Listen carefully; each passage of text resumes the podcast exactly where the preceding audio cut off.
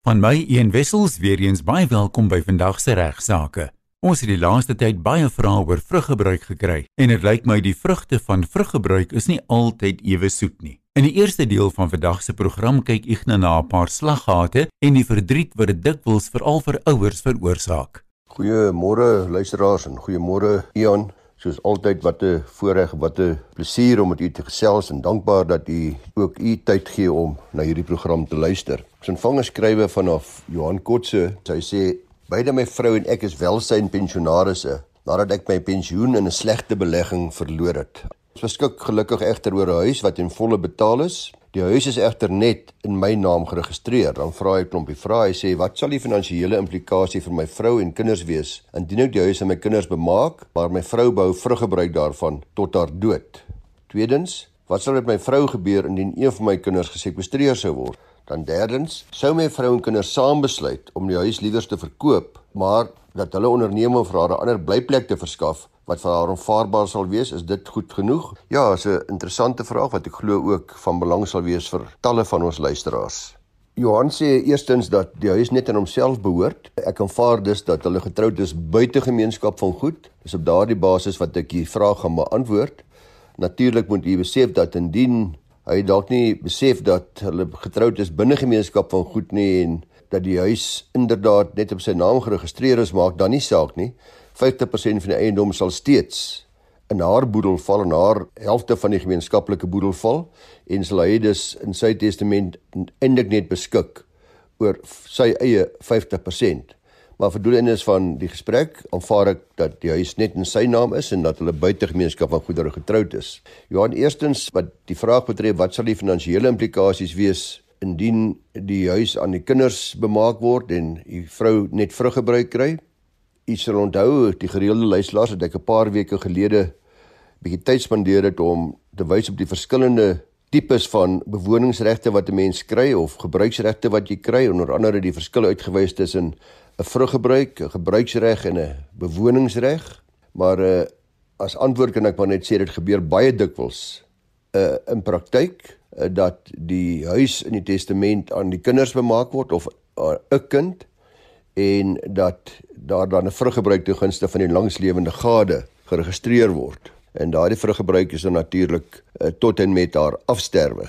Die huis word dan inderdaad getransporteer aan die kinders onderhewig aan die registrasie van 'n vruggebruik wat behoorlik teen die titelakte geregistreer word. So dit is geen probleem nie en dit is 'n uh, en dit is iets wat baie gereeld gebeur. Dan vra hy wat sal met my vrou gebeur indien een van die kinders gesekwestreer word? Ook 'n baie relevante vraag en eerstens dit sal geen effek hê Johan op haar vruggebruik nie. Haar vruggebruik bestaan afgesien daarvan of die uiteindelik of die erfgename die eienaars van die huis insolvent is al dan nie. Maar die tragiek is egter dat by haar afsterwe indien een van die kinders steeds insolvent is, daardie kind se gedeelte van die erflating, met ander woorde die huis, inderdaad die insolvente boedel toekom in effek dus gaan daardie deel van daardie kind dan na skuldeisers toe. Ek het al by herhaling op hierdie program gewys op die belangrikheid daarvan om jouself te beskerm in jou testament deur 'n insolventie klousule in jou testament aan te bring.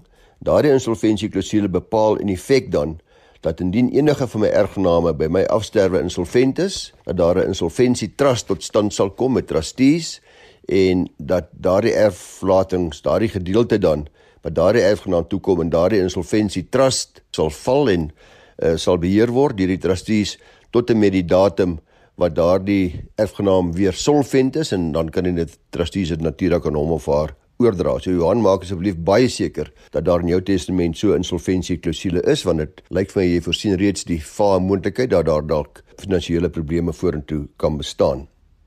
Baie belangrik, uh, vra hy dan 'n vraag wat sou my vrou en kinders saam besluit om te verkoop op die basis dat die kinders dan onderneem om 'n ander blyplek vir my vrou te gee nou hierdie vraag gee my so 'n bietjie koue rillings so dit dit wanneer dit uh, lei daartoe dat daar rooi ligte en en loeiende sirenes aangaan maar kom ons aanvaar eerstens dat alles klop dusselboom sal gaan en dat u kinders sal vir haar 'n ander blyplek koop let wel 'n ander blyplek vir hulle self koop waarop daar dan 'n vruggebruik weer eens geregistreer word in haar naam Dan dan is daar natuurlik geen probleem nie, sy het nog steeds uh, sekuriteit, verblyfsekuriteit lewenslank. Die een huis is net vervang met 'n ander huis.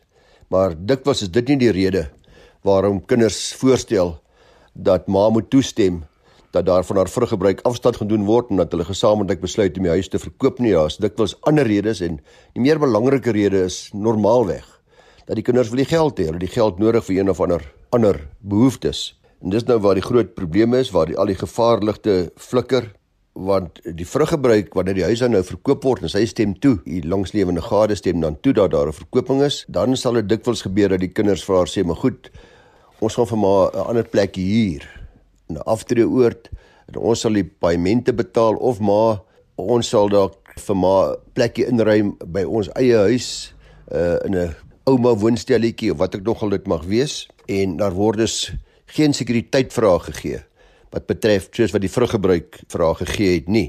Nou kinders se bedoeling is dikwels goed.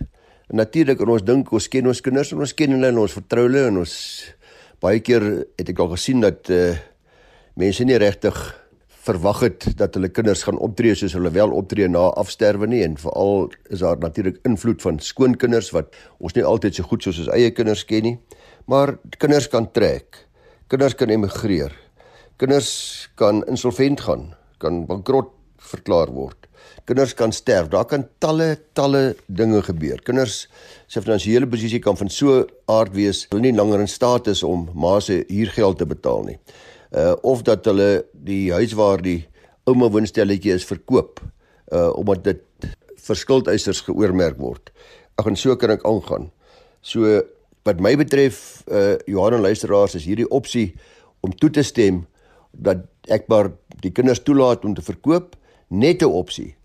As daar behoorlike sekuriteit vir die langslewende gegee word dat daar verblyf gewaarborg is lewenslank dit sal byvoorbeeld behels die aankoop met 'n deel van die opbrengs van die eiendom uh, vir 'n lewensreg en 'n aftreebehuising iets in daardie lyn of soos ek nou nou gesê het 'n vruggebruik weer op 'n ander eiendom waar hulle dan self bly Ag en so kan ons aangaan. Daar's 'n paar moontlikhede wat die prokureurs vir u sal mooi kan uitwys. Daar's ook 'n paar ander rooi ligte wat ek net dink ek volledigheidshalwe vir jou en vir ander luisteraars wil uitwys.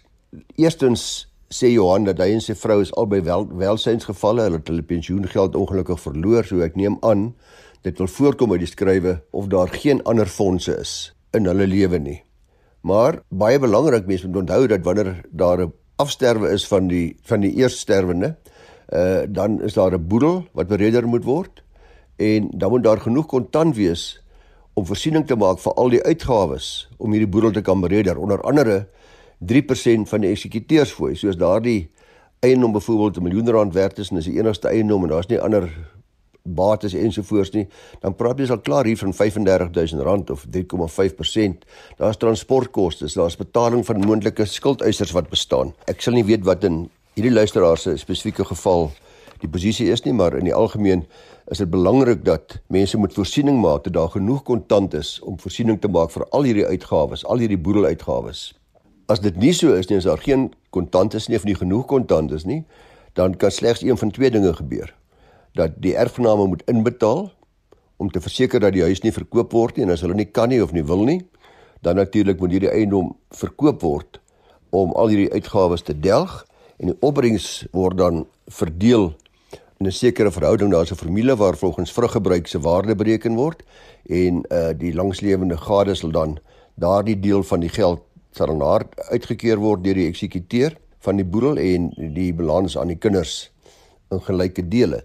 Een moontlikheid luisteraars is dat die luisteraar die moontlikheid ondersoek dat mens byvoorbeeld versekerings uitneem op sy eie lewe dikwels stel ek dan voor dat die kinders dan die premie betaal want hulle is immers die erfgename, eh, die hooferfgename, hulle kry die eiendom, die enigste bate in gelyke dele. As dit nie moontlik is nie, uh, dan moet die kinders onderneem om nou al reeds te help om 'n neseier op te bou en voorsiening te maak uh, vir genoeg gelde om uh, die boedel te kan bereder. 'n uh, Ander moontlikheid natuurlik is ook om die erflating daar's geen probleem daarmee om enige erflating voorwaardelik te maak nie met ander woorde om te sê kinders erf slegs die eiendom op voorwaarde dat hulle in gelyke dele alle boedeluitgawes moet delg ten einde te verseker dat uh, die eiendom nie verkoop hoef te word nie.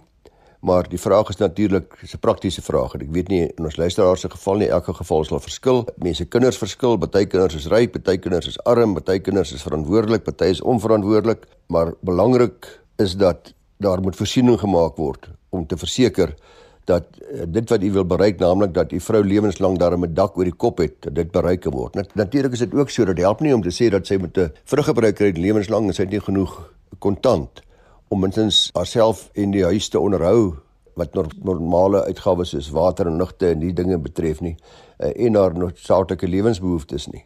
Uh, dan is dit dikwels maar beter om om 'n ander plan te maak uh soos byvoorbeeld 'n aftreeoord of 'n ouer huis of der, iets dergeliks.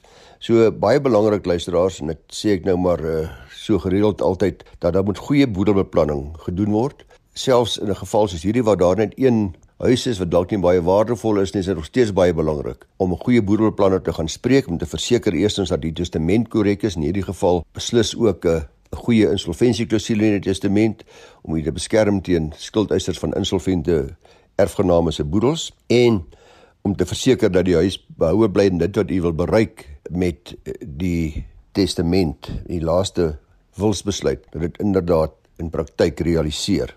Dan net laastens, uh, ek aanvaar ook dat in hierdie geval dat die kinders meerderjarig is, maar natuurlik as die kinders minderjarig is, dan sal so 'n testament voorsiening moet maak vir 'n trust sodat uh, die minderjarige kinders of een van die kinders wat minderjarig is se gedeelte van die erflating dan liewers deur 'n trust beheer word waar daar trustees aangestel word om na die belange van hierdie minderjarige kind kan omsien. Dit was 'n hele mondvol luisteraars in Johan, maar ek vertrou dat dit vir u van hulp was en weer eens as daar enigsins uh, onsekerheid is by u oor of u boedelbeplanning behoorlik gedoen is, gaan sien 'n prokureur om u behulpsaam te wees. Ek nou bespreek 'n uitspraak van die konstitusionele hof wat die weg baan vir huiswerkers om ook te kan eis vir beserings aan diens opgedoen. Maar eers, kan 'n werknemer 'n dissiplinêre verhoor vryspring deur met onmiddellike effek te bedank? Kom ons hoor wat sê Igna. Volgende anonieme e-pos. Nou luisteraars, ek sommer net dadelik weer eens sê, ek weet Ian sê dit ook van tyd tot tyd dat alle navrae wat ek vanaf u ontvang word slegs op die lug hanteer. Ek gee nie advies op 'n ander wyse nie, so ek gaan u nie direk antwoord en vir u advies gee nie. U is welkom, sê ek altyd om u eie prokureur te gaan spreek met u individuele probleme. U prokureur wat naby is in u dorp of u stad en ek sê ook dikwels dat daardie prokureur sal u net so goed en nie beter kan antwoord as ek self nie, want 'n behoorlike konsultasie is nodig voordat mens individuele advies kan gee vir individuele probleme. So ek hanteer wel navraag op die op 'n beginselbasis of van mening is dat die navraag van algemene belang is vir ons ander luisteraars en is eintlik graag wat die prokureursorde wil doen is om eh, so groot as moontlik hoe uh, hoeveelheid luisteraars te bemagtig deur antwoorde van algemene belang te verskaf. Die luisteraar gaan dan voort. Sy sê ek het so ongeveer 3 maande gelede 'n uh, eh, elektriese installering laat doen uh, by my huis. Ek kry geen rekening van die besigheid nie. Sy het hulle 'n paar maal versoek vir 'n rekeningstaat en telkens word daar gesê dat sy sal nog die rekening kry. Hulle het 'n ander nuwe program en sy moet net geduldig wees en sy het nog niks op skrif gekry nie. Sy weet nie wat die bedrag is nie. En haar vraag is: Hoeveel tyd moet verloop voordat 'n rekening aan 'n kliënt gestuur word? Met ander woorde, tot wanneer is dit geldig om een te ontvang nadat 'n diens gelewer is? Nou luisteraars en ook hierdie luisteraar, hierdie dame, daar's geen regsplig of 'n wet wat sê ek moet binne 'n sekere tyd 'n rekening lewer as ek goedere of dienste gelewer het nie. Skuldeisers sal normaalweg so vrou is moontlik natuurlik 'n rekening lewer, maar dikwels is in hierdie geval waar die persoon sê dat hulle stelsels werk nie behoorlik nie en hulle jy moet net bietjie geduldig wees, kan dit maande neem voordat u 'n rekening ontvang. My groot irritasie is natuurlik nie om nie rekening te ontvang nie. Die meeste van ons verwelkom dit dalk. Uh my grootste irritasie is hierdie verskaffers van dienste wat aan mense rekening stuur 'n paar dae nadat die dienste gelewer is en dan word al klaar groot rooi letters aanmanings gestuur en jy word gepeper met skrywes elke tweede derde dag 'n groot bron van irritasie Maar uh om die luisteraar se vraag te beantwoord, daar's geen plig om binne 'n sekere tyd 'n diens te lewer nie, maar skuldeisers se eise vir dienste of goedere gelewer kan wel vir jaar. En dit is die geval binne 3 jaar nadat uh die dienste gelewer is of nadat u bewus geword het daarvan dat u 'n bedrag verskuldig is. Maar in u geval, in hierdie luisteraar se geval, sy weet goed dat sy geld verskuldig is. Sy sê dit ook sit dis maar die bedragie wat u min of meer dink dit gaan kos. Eenkant as jy bang is dat u dit nie gaan hê wanneer die rekening eendag kom nie. So spaar maar 'n bietjie daarvoor. Wees maar geduldig. Daar is 'n beginsel wat ek en ek huiwerig is om u te bespreek want dit is 'n bietjie ingewikkeld, maar tog net so in 'n neutedop. Dis die beginsel van 'n stoppel. Dit kan 'n moontlike verweer wees teen die eis van 'n skuldeiser. Nou die beginsel van die stoppel sê maar in kort dat jy het aan my 'n voorstelling gemaak waarop ek gehandel het tot my nadeel en dus is jy nou gebonde aan daardie voorstelling. 'n Simpel voorbeeld, kry nie 'n rekening nie, ek eh, ek vra vir jou of ek jou iets skuld. Jy antwoord op so 'n manier dat ek later begin dink dat dit is maar 'n gratis diens wat jy gelewer het of jy het uitdruklik dalk vir my gesê in 'n skrywe geïmpliseer dat die diens gratis is of dat jy nie 'n rekening gaan lewer nie en nou kry ek 'n uh, paar maande of jare wat later skielik 'n rekening of 'n oproep van 'n invorderaar wat sê nee nou skuld ek geld. Nou in daardie geval sal die verweer dan wees ek is jammer ek gaan jou nie betaal nie. Jy het 'n skyn geskep dat die diens gratis is en dat ek niks aan jou verskuldig is nie.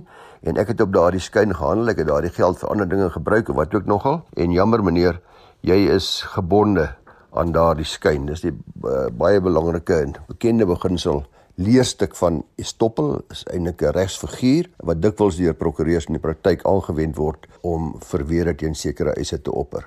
Daar's al jare lank in Suid-Afrika 'n debat of 'n werknemer onmiddellik kan bedank met onmiddellike effek en dan skielik nie meer gedissiplineer kan word. Met ander woorde, as ek sien dinge gaan vir my sleg en daar's 'n dissiplinêre stappe wat teen my geneem geword, dan sê ek dood jy vir my werkgewer, jammer meneer, ek bedank en hier vat ek my tasse en ek loop. Nou die arbeidsappelhof het uh, in die saak van Standard Bank teen van Suid-Afrika teen Chiduhane uitspraak gegee op die 10de Desember 2020.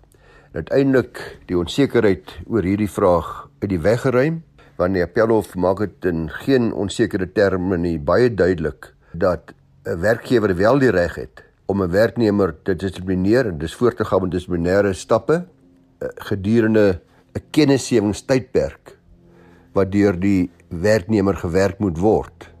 Dit is ongeag of so 'n werknemer probeer het om te bedank met onmiddellike effek. So die arbeidsappelhof bevestig dat bedanking met onmiddellike effek nie die werkgewer-werknemer verhouding beëindig waar daar 'n kontrak bestaan tot die effek dat daardie verhouding beëindig kan word deur middel van 'n kennisgewingstydperk nie. So as daar 'n kennisgewingstydperk is en 'n werknemer bedank met onmiddellike effek, dan sal daardie verhouding nie deur die deur die bedanking beëindig word nie. Dit sal voortgaan vir die volle tydperk van die kennisgewingstydperk. Dis dan die werkgewer se keuse. Die werkgewer het 'n keuse om te sê, "Goed, ek aanvaar jou bedanking met onmiddellike effek, so ek doen afstand van my kontraktuele regte vir dat daar 'n kennisgewingstydperk uitgedien moet word." Maar ek het ook die keuse om te sê jammer, jy moet maar jou kennisgewingstydperk werk. In daardie geval kan ek voortgaan met dissiplinêre stappe gedurende daardie tydperk van die kennisgewingsperiode. Nou, ons het al voorheen ook bespreek dat daar nie 'n kennisgewingsperiode is nie, dan is die gewone wet van toepassing, naamlik wet 75 van 1997 en artikel 38 wat ons al herhaling bespreek het. Luisteraars, Ian, ek dink almal van ons wat redelik wil wees sal saamstem dat der duisende huiswerkers al vir dekades heen nie baie billik en redelik gehanteer is in terme van hulle regte nie. Sekere werkgewers van uh, huiswerkers en uh, dit kan mens sien as jy gaan kyk na wat gebeur by die CCMA of die kommissie vir konsiliasie, mediasie en arbitrasie, versoening, mediasie en arbitrasie, kom ons duidelik agter dat daar talle werkgewers van uh, huiswerkers wat dood eenvoudig hulle nie steur aan die wetgewing en die regte wanneer hulle sulke mense in diens neem by hulle huise nie. Tot onlangs dink ek kan mens sê dat baie werkgewers het doeteenvoudig hulle net nie gesteer aan die regte van hulle werkers nie. Ek weet ek veralgemeen dalk nou wild want daar's ook talle talle werkgewers wat baie goed is vir hulle huiswerkers en baie dankie ook aan hulle omdat hulle werknemers baie redelik en billik hanteer uh en wat regtig seker maak dat hulle regte gehonoreer word en nagekom word. Nou daar was onlangs in 2 November 2020 'n baie baie belangrike uitspraak gewees deur ons konstitusionele hof. Dit was bekend as die saak van Mashlangu en ander teen die minister van arbeid en ander ander terwyl van my kollegas wat dalk luister. Die verwysing is CCT 306-19 en hakies 2020 ZACC 24 19 November 2020 grondwetlike hof. Hierdie uitspraak maak dit baie duidelik dat sekere artikels van die wette vergoeding vir beroepsbeserings, die sogenaamde COIDA wetgewing, onkonstitusioneel is omdat dit baie uitdruklik huiswerkers uitsluit van die definisie van 'n werknemer. Dit het natuurlik tot gevolg dat op hierdie wyse word die arme huiswerkers duidelik gesê dat hulle nie geregtig is op die verskeie voordele wat hierdie wet gee vir ander werknemers nie. En in besondere dan is dit die feit dat hulle beseer word aan diens of selfs afsterf terwyl hulle aan diens is, het hulle geen regte soos dit ander werkers het in terme van hierdie wet op vergoeding vir beroepsbeserings nie.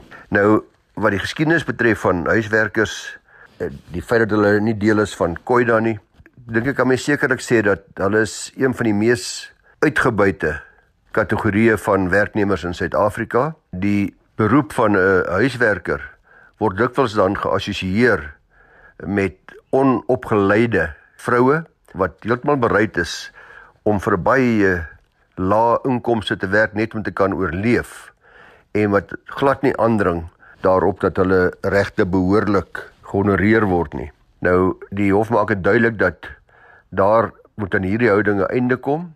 Dit is eintlik skokkend as mens daaraan dink dat vir 26 jaar na 'n nuwe demokrasie tot stand gekom het, dit nog steeds so is dat hierdie kategorie werkers nie vergoeding kan eis uh, as hulle 'n uh, siekte opdoen of beseer word of selfs te sterwe kom terwyl hulle aan diens is nie. Nou, ek lees graag vir u die laaste paragraaf van hierdie uitspraak van die konstitusionele hof wat ek dink vir ons almal goed sal wees om na te luister. Die konstitusionele hof eindig as volg: Hulle sê domestic workers despite the advent of our constitutional dispensation remain severely exploited, undermined and devalued as a result of their lived experience at the intersecting axis of discrimination. Yet these black women are survivors of a system that contains remnants of our colonial and apartheid past. These black women are brave, creative, strong and smart. They are committed mothers and caretakers and have the ability to perform work in conditions that are challenging both psychologically and physically. These black women are not invisible or powerless. On the contrary, they have a voice and we are listening. We as Isodiof. These black women are at the heart of our society. Ensuring that they are afforded basic rights and an avenue to vindicate these rights is central to our transformative constitutional project. Einde van die aanhaling. Nou luisteraars, natuurlik die eerste vraag wat mense nou moet vra is hoe registreer ek my werknemer by Koida? En uh, ek stel voor dat die maklikste roete gaan maar wees om die om die Koida registrasie webtuiste te gaan besoek. Dit is www.gov.za, dan gaan mens na services toe, dan gaan jy na compensation fund toe. Ek is redelik seker daarvan as mens net Koida ook intik op jou netwerk, dan gaan jy uitkom by 'n uh, eh, compensation fund uh, and register compensation fund. So terwyl ek op hierdie onderwerp is, dink ek is dit ook belangrik om net weer daarop te wys dat daar 'n plig is op alle werkgewers om seker te maak dat hulle huiswerkers by die departement van arbeid geregistreer is vir werkloosheidsversekering en veral nou as ons kyk na wat in 2020 gebeur het en wat vir ons voorlê in 2021 is dit so belangrik om ook hierdie mense wat elke dag in die huis is en wat vir die werk om hulle te beskerm vir die moontlikheid dat hulle dalk werkloos mag wees as gevolg van aflegging of uh, die feit dat hulle dalk nie meer sal kan bekostig nie. Uh, soos wat dit duidelik blyk dat COVID-19 is daar talle sulke werknemers wat in daardie kategorie val. So maak tog seker dat u hulle behoorlik registreer en dat u daardie betalings uh, aan die werkloosheidsversekeringsfonds maak. Dis dan al vir vandag se regsaake. Soos altyd baie dankie Ignas. Onthou jy kan jou vrae vir beantwoording in toekomstige programme direk na Ignas stuur. Sy e-posadres is igna@ffd.co.za. As jy nie regstreeks na regsaake kan luister nie, elke program is ook as potgooi beskikbaar op RSG se webwerf rsg.co.za. Van my een wessels, baie dankie dat jy geluister het. Ek hoop jy kan volgende maandag 11:30 weer by ons aansluit.